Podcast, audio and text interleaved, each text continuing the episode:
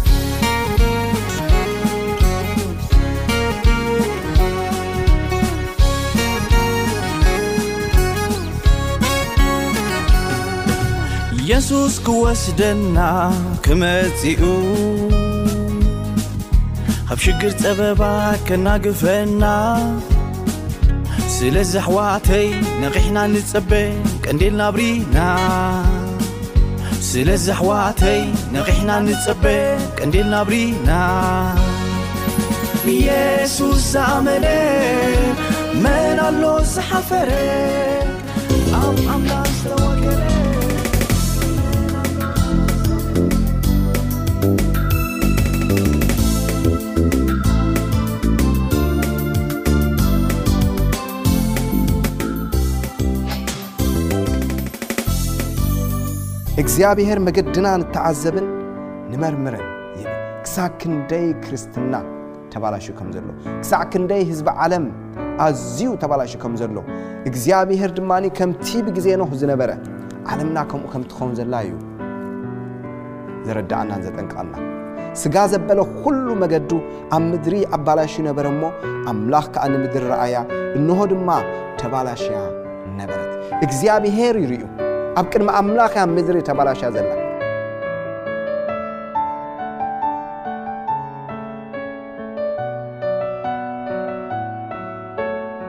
ሰላም ንኣኻትኩም ይኹን ክቡራት ሰማዕትን ተኸታተልትን ከመይ ትኾኑ ኣለኹም ከመይ ቀኒኹም ሎሚ ኣዝዩ ኣገዳሲ ዝኾነ ተኸታታሊ መጽናዕቲ መጽሓፍ ቅዱስ ክንጅምር ኢና ብርግጽ እዚ ሕጂ ዘቕርቦ ኣብዛ ሰዓት እዚኣ መእተዊ ጥራይ ኢና ክንርኢ ማለት ኣዝዩ ሓጺር ግን ግዜናን ዘበናን ከነስተውዕል ማለት እዩ ክርስቶስ ክመጽእ ከኣ ኣዝዩ ቀረባ እዩ ብርግጽ እታ እተጸበዮ ነፍሲ ናይ ብሓቂ ባህ ክብላን ክትሕጎስን እዩ ዘለዋ እቶም ካብ ኣምላኽ ዝረሓቑ ድማ እግዚኣብሔር ናብኡ ክምለሱ ዕድል ተስፋ ሂብዎም ኣሎ እሞ እግዚኣብሔር ምእንቲ ክዛረበና ንልብና ከኣኒ ናይ ብሓቂ ናብኡ ምእንቲ ክመልሶ ብጸሎት ናብ ኣምላኽ ክንቀርብ ኢና ንጸሊ ፈቃርን መሓርን ዝኾንካ ዓቢ እግዚኣብሄር ኣቦ ኣምላኽ ካብ ዘልኣለም ንዘልኣለም ህያው ዝኾንካ መጀመርታን መወዳእታን ዘይብልካ ክብሪ ንኣኻ ይኹን ብሓቂ ስለ ንደቅኻ ትሓሊ ስለ ተፍቅር ተመስገን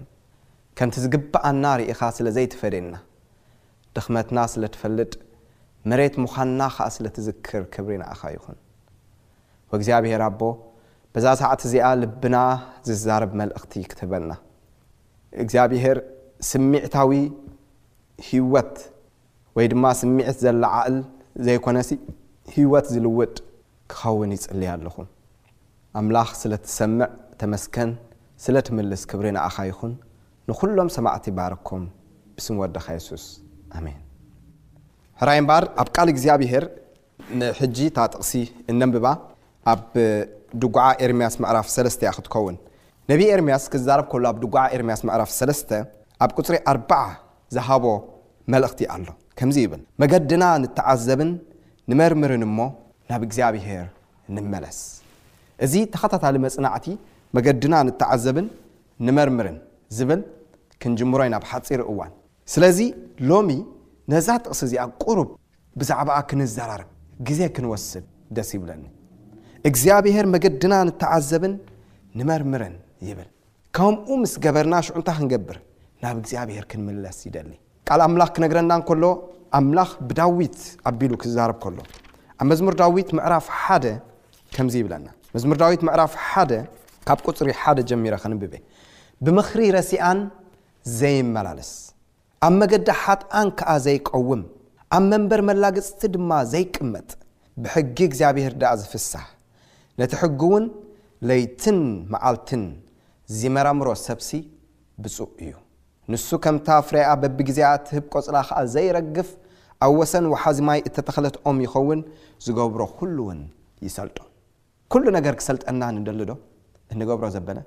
እግዚኣብሔር እንታይ ይደሊ ኣሎ መጀመርያ መገድና ክንዕዘብን ክንምርምርን እሞ ናብኡ ክንምለስ ብምኽሪ ረሲኣን ከይንመላለስ ይነግረና ይምዕደና ኣብ መገዲ ሓጥኣን ከይንቐውም ኣብ መንበር መላገጽቲ ከይንቕመጥ ብዙሓት ዘላግጹ ኣለዉ ሰባት ቃል እግዚኣብሔር ክስማዕ ከሎ ዝስሕቁ ዝዛረቡ ንሓድሕዶም ነቲ ቃል ኣምላኽ ብዝተፈላለየ መልክዕ ዝንዕቅዎ ደው ኢሎም ዝመስሎም ዝወደቑ እውን መሊኦም እዮም ዘለዉ እግዚኣብሔር ግን ህይወትና ክንምርምር ይደልየና ብሓቂ ቃል እግዚኣብሔር ክነግረና ከሎ ብሕጊ እግዚኣብሔር ድኣ ዝፍሳ እዩ ዝብል ነቲ ሕጊውን ለይትን መዓልትን ዚመራምሮ ሰብሲ ብፁእ እዩ ብዙሓት ሎሚ ኣብ ፖለቲካ ክኣትዉ ከለዎ ንርኢ ፖለቲካ ከም ሓድ ዓብዪ ኣርእስቲ ተወሲዱ ደቂሶም ተንሲኦም ናብኡዮም መጀመርታ ዝጎዩ ቴለፎኖም ይውልዑ፣ ደቂስካ ጸኒሕካ ተንሲእካ ወይ ድማ ናብቲ ዓለማዊ ዝኾነ ነገራት።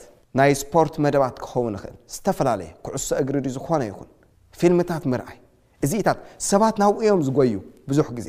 እግዚኣብሄር ግን መገድና ንተዓዘብን ንመርምርን እሞ ናበይ ንመለስ ናብኡ ንመለስ እዩ ዝብለና ዘሎ። ብዙሓት ሰባት ናብ እግዚኣብሄር ዝምለሱ ዘለዉ እናመሰሎም ናብ ዘይጠቕሙ ከንቱነት ነብያት ሓሶትን፣ ከምኡ ድማ ናብ ናይ ጥንቁልና መገድን ድማ ዝኣትዉ ኣለዉ። ገለ ነገራት ካብ ዝፍጸሙ ዘለዉ ኣብዚ ግዜ እዚ እንድሕር ደኣ ርኢና፣ ንኣብነት ብዙሓት ሰባት ምዉታት ዝሞቱ ከነተስኣልኩም ኢና እናበሉ ናይ ኣምላኽ ተመሲሎም ዝመጹ ኣለዉ። ነቶም ዝሞትዎም የተንስእሎም እሞ እቶም ሰባት ድማ ምስቶም ምዉታቶም ክዘራረቡ ንሰምዕ ኢና።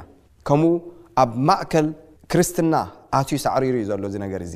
ብጣዕሚ ዘሕዝን እዩ እዚ ክኸውን ከም ዝኾነ ግን መጽሓፍ ቅዱስ ኣቐዲሙ ይዛረብ ነይሩ እዩ እዚ ሓቂ ኣይኮነን ብርግጽ እቶም ተንሲኦም ዝመጹ ናይ ኣጋንንቲ መናፍስቲ ደኣ እምበር እቶም እንፈልጦም ሰባት ኣይኮኑን ልክዕ መልክዕ ናቶም ዘረባ ናቶም ኣከዳድና ናቶም ትርኢቶም ናቶም ኩሉ ነገራት ከምኦም መሲሎም እዮም ዝመጹ እዚ ግን ሰይጣን ዝገብሮ ነገር እዩ ብርግጽ ሰላም ኣይትብሎምን ኢኻ ኣይትረኽቦምን ኢኻ ግን ትርእዮም ኢኻ ትረኣ እሞ ትዛራረብ ከምዚ ዓይነት ክትሰምዕ ከለኻ ብጣዕሚ ልብኻ ይትንክፈካ ክሳዕ ክንደይ ክርስትና ተባላሽዩ ከም ዘሎ ክሳዕ ክንደይ ህዝቢ ዓለም ኣዝዩ ተባላሽዩ ከም ዘሎ እግዚኣብሄር ድማ ከምቲ ብግዜ ኖህ ዝነበረ ዓለምና ከምኡ ከም ትኸውን ዘላ እዩ ዘረድኣናን ዘጠንቅቐናን ብሓቂ ብኹሉ ነገር ኩርናዕ ጎንታት ብኹሉ ሸነኻት ክንርኢ እንከለና ዓለም ኣብ ሕማቕ ኩነታት እያ ዘላ ብናይ መንፈሳዊ ነገር ከምዚ ዓይነት ጥፍኣት ይኸይድ ኣሎ ብናይ ስነ ምግባር እንተ ርኢና ከኣ ዓለምና ተባላሽያ እያ ዘላ። ንኣብነት ኣብዚ ቀረባ እዋን ኣብ ኣሜሪካ እግዚኣብሄር ነቶም ወለዲ ከምቲ ብዙሕ ምሕረቱ የጸናንዕ ኢና ጥራይ ክንብል እንኽእል። ግን ሓደ ሰብ ወዲ ዓሰርተ ሸሞንተ ዓመት ኣቢሉ ዝኸውን ንሱ ኣብቲ ቤት ትምህርቲ መባእታ ከይዱ ን ዓሰርተ ትሽዓተ ቆልዑ ቀቲልዎም ከምኡ ድማ ክልተ ካብ ዓበይቲ ማለት እዩ ዕስራን ሓደን ሰባት ህጂ ኣብ ኣሜርካ ብልክዕ ነጻነት ኣሎ ማለት ብረት ክትስከም ተደሊኻ ክትሕዝ ተደሊኻ ዕድሜኻ ተኣኺሉ እዚኢታት ይከኣል እዩ እንተኾነ ግን ናይ ብሓቂ እቲ ነጻነት ምሃብ ኣይኮነን እቲ ጸገም ኮይኑ ዘሎ ህጂ ብዙሓት ፖለቲከኛታት ክዛረቡ ከለዉ በቃ ገሊኣቶም ኖ እዚ ብረት ክንወስዶ ኣለና ካብ ሰባት ነጻነት ክህሉ የብሉን ዝብሉ ኣለዉ ከሊኣቶም ድማ ኖ ነጻነት ክህሉ ኣለዎ ድላዩ ሰብ ይግበር ዝብል ኣሎ እዚ ሸነኻት እዚ ሕጂ ሃው ኣትየ ኣይዛረብን እየ እዋኑን ግዚኡን ስለ ዘይኮነ ንሕጂ ምስዚ መልእኽትና ግን ኣብዚ ነስተውዕል ኣሕዋት እቲ ቀንዲ ጸገም ኮይኑ ዘሎ ግን ኣብዚ ኣይኮነን እቲ ቀንዲ ጸገም ዘሎ ኣብ ልቢ ሰብ እዩ ዘሎ ልቢ ሰብ ካብ ኣምላኽ ዘንቢሉ ርሒቑ እዩ ዘሎ ልቢ ሰብ ብምንታይ እዩ መሊኡ ዘሎ ኣፍ ካብ ምልኣት ልቢ ይዛረብ ይብል መጽሓፍ ቅዱስ። ተግባርና ኩሉ ካብቲ ልብና ዝመልኣ እዩ። ህይወት ካብኡ እያ እትምንጩ እሞ ልዕሊ ኩሉ ንልብኻ ሓልዎ ይብል ቃል እግዚኣብሄር ኣብ መጽሓፍ ምሳሌ። ስለዚ ናይ ህይወት ነገር ኣብ ልቢ እዩ ዝርከብ፣ ኣብ ሓሳብ ኣብ ኣእምሮ እዩ ዝርከብ። እንተ ደኣኒ ብፊልምታት ሆሊውድ ዝምላእ ኮይኑ፣ እንተ ደኣ ብመደባት ስፖርት፣ ብናይ ፖለቲካ ምስማዕ፣ ብኸምዚ ንጓዓዝ እንተ ደኣ ኮይንና፣ ከምኡውን ናይ ሰባት ኣብ ክንዲ ብዛዕባ ክርስቶስ ብዛዕባ ሰባት ነዕልል፣ እንተደኣ ኮይንና ክንሓሚ እዚኢታት ህይወትና ካብ ኣምላኽ እዩ ዝርሕቕ ዘሎ። ስለዚ እግዚኣብሄር መገድና ንተዓዘብን ንመርምርን ይብል። እዚ ቅትለት እዚ ጥፍኣት ዝኸውን ዘሎ ልቢ ሰብ ካብ ኣምላኽ ስለ ዝረሓቐ እዩ እቲ ቀንዲ ነገር። ፖለቲከኛታት መፍትሒ ከምጽኡ ኣይክእሉን እዮም። ዓለም እናኸፈእት እያ ክትከይድ። ብቁጠባ ንርኣዮ። ብልክዕ ናይ ቁጠባ ነገር ተሪእና ከኣ ኩሉ ነገር ይባላሾ እዩ ዘሎ። ልክዕ ከምቲ ስነ ምግባር። ከምኡውን ብብዙሕ ካልእ ነገራት ክንርኢ ንኽእል ኢና። ኩናት ሰላም ዝበሃል የለን ኣብ ዓለም።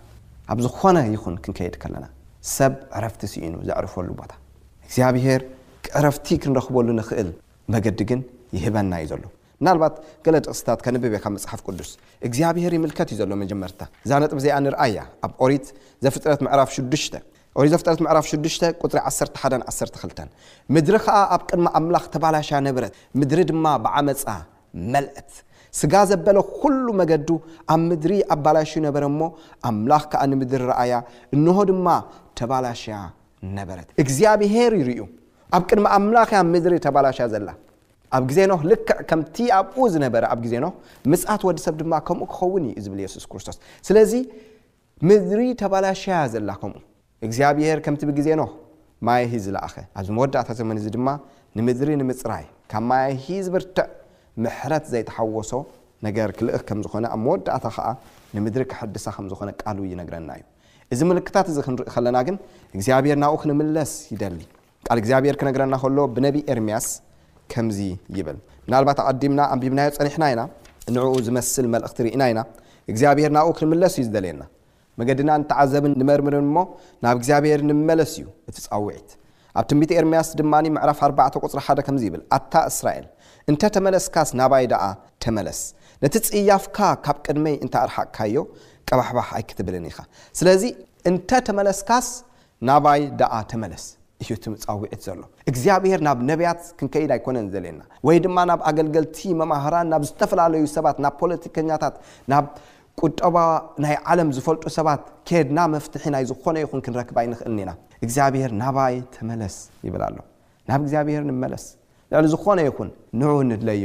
እግዚኣብሄር ድማ ከስልጠና እዩ መጽሓፍ ቅዱስ ብንጹር ይነግረና ኣሕዋት እቲ ዕረፍቲ ንረኽበሉ ቦታ ኣብ እግዚኣብሄር ጥራይ እዩ ዘሎ ኣብ መገዲ ሓጢኣት ኣብቲ ዘይፈልጥ ህይወት ክህብ ዘይክእል ሰብ ኣብኡ ወላ ሓደ የለን ቃል እግዚኣብሄር ክዛረብ ከሎ ኣብ ትንቢት ሚክያስ ምዕራፍ ክልተ ቁጽሪ ዓሰርተ ከምዚ ይብል ብሰሪ እቲ ሕሱም ጥፍኣት ዘጥፍእ ርኽሰት እዚ ስፍራ ዕረፍትኹም ኣይኮነን እሞ ተንስኡ ኪዱ እግዚኣብሔር እንታይ እዩ ዝብል ዘሎ ብሰሪ እቲ ሕሱም ጥፍኣት ዘጥፍእ ርክሰት ማለት ዘጥፍእ ርክሰት ኣብ ዓለም ኣለውን ሕጂ ስለዚ ብሰሪ እዚ ነገር እዚ እዚ ስፍራ ዕረፍትኹም ኣይኮነን እሞ ተንስኡ ኪዱ እዩ ዝብል ዘሎ እግዚኣብሄር ካብቲ ዕረፍቲ ዘይህብ ነገር ተንስእና ክንከይዱ እዩ ዝደልየና ዘሎ ዝኾነ ይኹን ናይ ዓለም ዓለም እትህቦ ነገር ዕረፍቲ ኣይህብን ዓለም ነቲ ፅቡቕ ነገር ዝመስል ዝተበላሸወ ነገር እያ እትህበካ፣ ንውህ ብምርኣይ ድማ ትልውጠካ።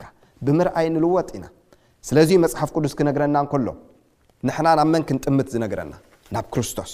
ናብኡ ብምርኣይ ድማ መልክዕ ናይ ክርስቶስ ክንሕዝ እግዚኣብሄር ዝዛረበና ዘሎ። ሃዋርያ ጳውሎስ ክነግረና ከሎ ኣብ ካልኣይ ቆሮንጦስ ምዕራፍ ሰለስተ ቁጽሪ ዓሰርተ ሸሞንተ ንሕና ኩላትና ግና ብቅሉዕ ገጽ ነቲ ክብሪ ጐይታ ከም ብመስትያት ጌርና እናጠመትናዮ፣ ከም ካብ መንፈስ ጐይታ ካብ ክብሪ ናብ ክብሪ ናብቲ ምስሊ ኣርኣያኡ ንልወጥ ይብለና። ስለዚ እግዚኣብሄር ምስሊ ክርስቶስ ክንሕዝ ይደልየና፣ ግን እንታይ እንዳገበርናዮ? እናጠመትናዮ። ስለዚ ምስ ኣዒንትና ኪዳን ክንኣቱ ይግብኣና፣ ምስ ገዛእ ርእስና ኪዳን ንእቶ፣ ምስ ኣእዳውና፣ ተግባር ኣእዳውና፣ ክጽብቐልና ከም ናይ ክርስቶስ ከም ፍቓዱ ክኾነልና እንሰምዖ ከምኡ ሰባት ክፉእ ክዛረቡ ከለዉ ከነቋርጾ ይግብኣና ካብ ምስማዕ ኣሕዋት እግዚኣብሄር ሎሚ ናብኡ ክንምለስ ይደልየና ብምሉእ ልብኹም እንተ ደሊኹምኒ ክትደልዩኒ ክትረኽቡኒ ውን ኢኹም ይብል እግዚኣብሄር ዝርከበሉ እዋን ሎሚ እዩ ዘይርከበሉ ግዜ ክመጽእ እዩ ነገራት እናኸፍአ ከም ዝኸይድ ንፈልጥ ኣሎና ብተደጋጋሚ እዚ መልእኽቲ እዚ ሰሚዕናዮ ኢና። ብተደጋጋሚ ቀሪቡ እዩ እዚ ነገር እዚ። ማለት ብተደጋጋሚ እግዚኣብሄር ብቃሉ መሰረት ከም ዝነገረና እዚ ነገር እዚ እናኸፍኤ እዩ ክኸይድ ኩነታት ዓለም። እናጸበቐ እናተመሓየሸ ኣይክኸይድን እዩ ክሳዕ ምጽኣት ጎይታ ክኸፍእ እዩ። ሎሚ ክንመርጽ ግን ኣለና። ሕሰብዎ እሞ፣ እግዚኣብሄር ክንድሕን ተስፋ ሂቡና ከሎ፣ እምቢ ክንብል ክንጠፍእ። ኣምላኽ ንምድሓንና ዝኸውን እኹል ነገር ሂቡና ኣሎ። ክንድሕነሉ እንኽእል ሂቡና ይርከብ። እቲ ምርጫ ግን ናትና እዩ። ህይወት እንተደሊና ክንመርጽ ንኽእል ኢና፣ ሞት እንተደሊና ከኣ ክንመርጽ ንኽእል ኢና። ከምቲ ቃሉ ዝብለና ግን ሂወት ሓር ኢሉና ኣሎ ስለዚ ሂወት ሕረ ይብል እሞ ሂወት ክንሓሪ እግዚኣብሔር ብጸግኡ ይደግፈና። ብሓቂ ኣሕዋተይን ኣሓተይን ኣብቲ ዕረፍቲ ዘይህብ ጎደና ኣብኡ ካብ ምምልላስ ካብኡ ወጺና ናብ እግዚኣብሔር ክንምለስ ጸጋ ኣምላኽ ምስ ኩልና ይኹን እምበኣር ድሌትኩም ንሱ እንተኾይኑ መገድታትኩም መገድኹም ክትዕዘቡ ከምቲ ኣምላኽ ብነብዪ ኤርምያስ ዝበሎ፣ መገድና ንተዓዘብን ንመርምርን እሞ፣ ናብ እግዚኣብሄር ንመለስ ኢልና ኩልና ናብ ኣምላኽ ክንምለስ፣ እዚ እዩ እቲ ናይ እግዚኣብሄር ድሌትን ሃረርታን። ብርግጽ ከም ቃል ኣምላኽ መሰረት ግና፣ ዝበዝሕ ናብ ኣምላኽ ኣይክምለስን እዩ። ካብዚ መልእኽቲ እዚ እንሰምዕ ዘሎና ሰብ፣ ገሌና ንእግዚኣብሄር ክንውስን፣ ገሌናውን ካብኡ ክንርሕቕ ንኽእል ኢና።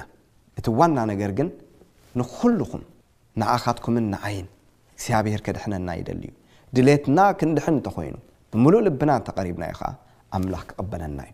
እምበኣር ኣብቲ ተኸታታሊ መጽናዕቲ እንጅምሮ ኣብቲ ዝቅጽል መደባት እቲ ዓቢ ኣርእስቲ መገድና ንተዓዘብን ንመርምርን ዝብል እዩ ክኸውን። ኣብ ነፍሲ ወከፍ እዚ ኣርእስቲ እዚ ድማ ኣብ ትሕቲ እዚ ዓቢ ኣርእስቲ ነናተን ክፋላት ኣርእስቲ ክህልወን እዩ። ስለዚ ን ክንከታተል እሞ ከኣ እግዚኣብሄር በቲ ዝህበና መልእኽትታት ድማ ህይወትና ክትሕደስ ንክትክእል ምእንቲ ኩሉ ግዜ ብጸሎት ክትነቕሑ ብጸሎት ክንነቅሕ ካባይ ጀሚርካ እቲ መልእኽቲ ንኣኻትኩም ጥራይ ኣይኮነን እግዚኣብሄር ክዛረብ ከሎ ኣነ ክዛረብ ከለኹ ንኣኻትኩም ጥራይ ኣይኮነን እንኮላይ ንርእሰይ እየ ዝዛረብ ዘለኹ ስለዚ ከምኡ ምእንቲ ክንልወጥ ኩልና ብጸሎት ናብ ኣምላኽ ክንቀርብ እግዚኣብሄር ብጸግኡ ይርድኣና። እምበኣር ኣብዚ መወዳእታ ዘመን እዚ ክንነቅሕ ህይወትና ናይ እግዚኣብሄር ህይወት ዝሓዘት ምእንቲ ክትከውን ጎይታ ክረድኣና ሓቢርና ንጸሊ። ተመስገን ኣምላኽ ስለ እተፍቅረና ኣቦ። ናይ ብሓቂ ኣቦ ምሕረት ኢኻ እግዚኣብሔር ኣብዚ ክፉእ ዘመን እዚ ዓለም ብዓመጻ መሊኣትሉ ኣብ ዘላ እዋን ክትጠፍእ በቲ ተባላሻቶ ዘላ ንዘልዓለም ክትድምሰስ ዝግብኣ ክነሱ ግን ንስኻ ስለ ፍጡራትካ ኢልካ ትዕገስ ኣሎኻ እዚ እግዚኣብሔር ንዘስተውዕል ልቢ ክፈልጦ ዕድል ሂብካዮ ኢኻ። ኣወይታ እጽሊ ኣለኹ ነዚ ነገር እዚ ተረዲእና ከምቲ ብግዜ ኖህ ሚእትን ዕስራን ዓመት ዝኣክል ናይ ምሕረት ዕድል ዝሃብካ፣ ምድሪ ተባላሽያ ኣብ ዝነበረትሉ እዋን ኣዝያ ብዓመጻ መሊኣትሉ ኣብ ዝነበረት እዋን እግዚኣብሄር ትጽበ ዝነበረ ሕጂ ውን በቲ ንስኻ ዝመደብካዮ ዓመታት፣ ኣዋርሕ፣ እግዚኣብሄር ኣብዚ ናይ ምሕረት ግዜ ናባኻ ክንመጽእ ርድኣና። እግዚኣብሄር ከይንጠፍእ ኣድሕነና፣ ንኹሎም ዝሰምዑ ድማ ንስኻ ርድኣዮም። ተሪፉ ዘሎ ዘመን ህይወትና ግዜና ባርኽ። እግዚኣብሄር ኣቦ ኣብቲ ተኸታታሊ መጽናዕትና እንርእዮ ንነፍሲ ወከፍና ክትዛረበና እዚ እዩ ድሌተይ። ን ጎይታ ከምቲ ቃልካ ዝብሎ ብዙሓት ንሰናይ መን እዩ ዘርእየና ይብሉ ኣለዉ ን እግዚኣብሄር ብርሃን ገጽካ ኣብርሃልና ከም ዝበለ ንጉስ ዳዊት ከምኡ ተመክሮ ክህልወና እግዚኣብሄር ነቶም ሰናይ መገዲ ሰናይ ዝደልዩ ዘለዉ ከኣ ከትሕብር ይጽሊ ኣለኹ።